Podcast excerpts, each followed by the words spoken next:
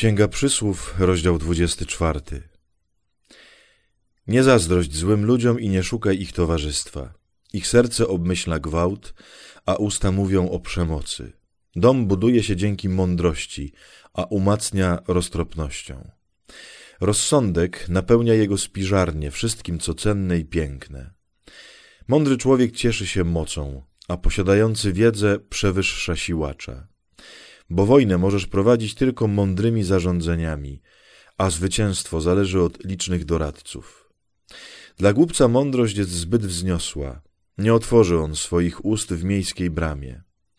Tego, który myśli tylko o czynieniu zła, nazywają wichrzycielem. Głupota wiedzie do grzechu, szyderca budzi odrazę w ludziach. Jeżeli w dniu nieszczęścia słabniesz, to marna jest twoja siła.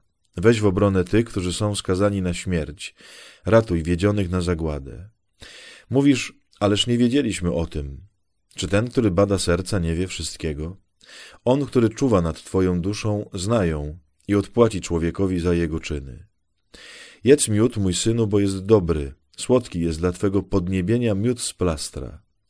Wiedz też, że taka jest mądrość dla twojej duszy. Jeśli ją znalazłeś, masz przed sobą przyszłość a twoja nadzieja nie będzie zawiedziona. Nie czychaj jak bezbożny na dom człowieka prawego i nie niszcz jego mieszkania. Prawy bowiem, choć upadnie siedem razy, to wstanie, bezbożni zaś pogrążą się w nieszczęściu. Nie bądź zadowolony z upadku swego wroga, Niech Twoje serce nie cieszy się z jego klęski, aby Pan tego nie dostrzegł, nie uznał za zło według swego osądu i nie przestał się na niego gniewać. Nie oburzaj się z powodu złoczyńców i nie unoś się wobec bezbożnych, bo zły człowiek nie ma przed sobą przyszłości i zgaśnie lampa bezbożnych. Lękaj się, mój synu, Pana i Króla, nie łącz się z odstępcami, bo zagłada spadnie na nich niespodziewanie i któż może poznać rozmiary klęski, która nastąpi. Te nauki także pochodzą od mędrców. Niedobrze jest kierować się w sądzie ludzkimi względami. Tego, kto mówi przewrotnemu, jesteś sprawiedliwy, przeklinają ludy, złorzeczą mu narody. Tym, którzy wydają sprawiedliwy wyrok, dobrze się powodzi i towarzyszy im obfite błogosławieństwo. W usta całuje, kto daje jasną odpowiedź. Wykonaj swą pracę na zewnątrz, zajmij się uprawą roli, potem buduj sobie dom. Gdy nie znasz sprawy, nie występuj przeciw bliźniemu jako świadek. Po co masz zwodzić swoimi wargami? Nie mów, co on mi zrobił, to ja mu uczynię, każdemu odpłacę za jego czyny.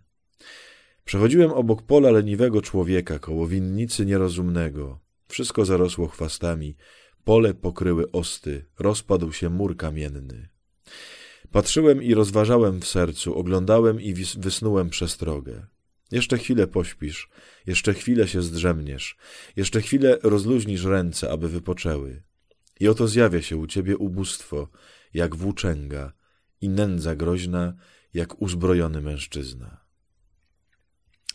Koni bardzo dzisiaj poetyckie i bardzo ładne te wyrażenia. Końcówka bardzo piękna o tym lenistwie, nie? Gdzie sobie mówimy jeszcze chwila, jeszcze pięć minutek, jeszcze moment, a potem nagle bieda. Ale najbardziej mnie, kochani, ujęło dzisiaj y, zdanie w 26 wersecie.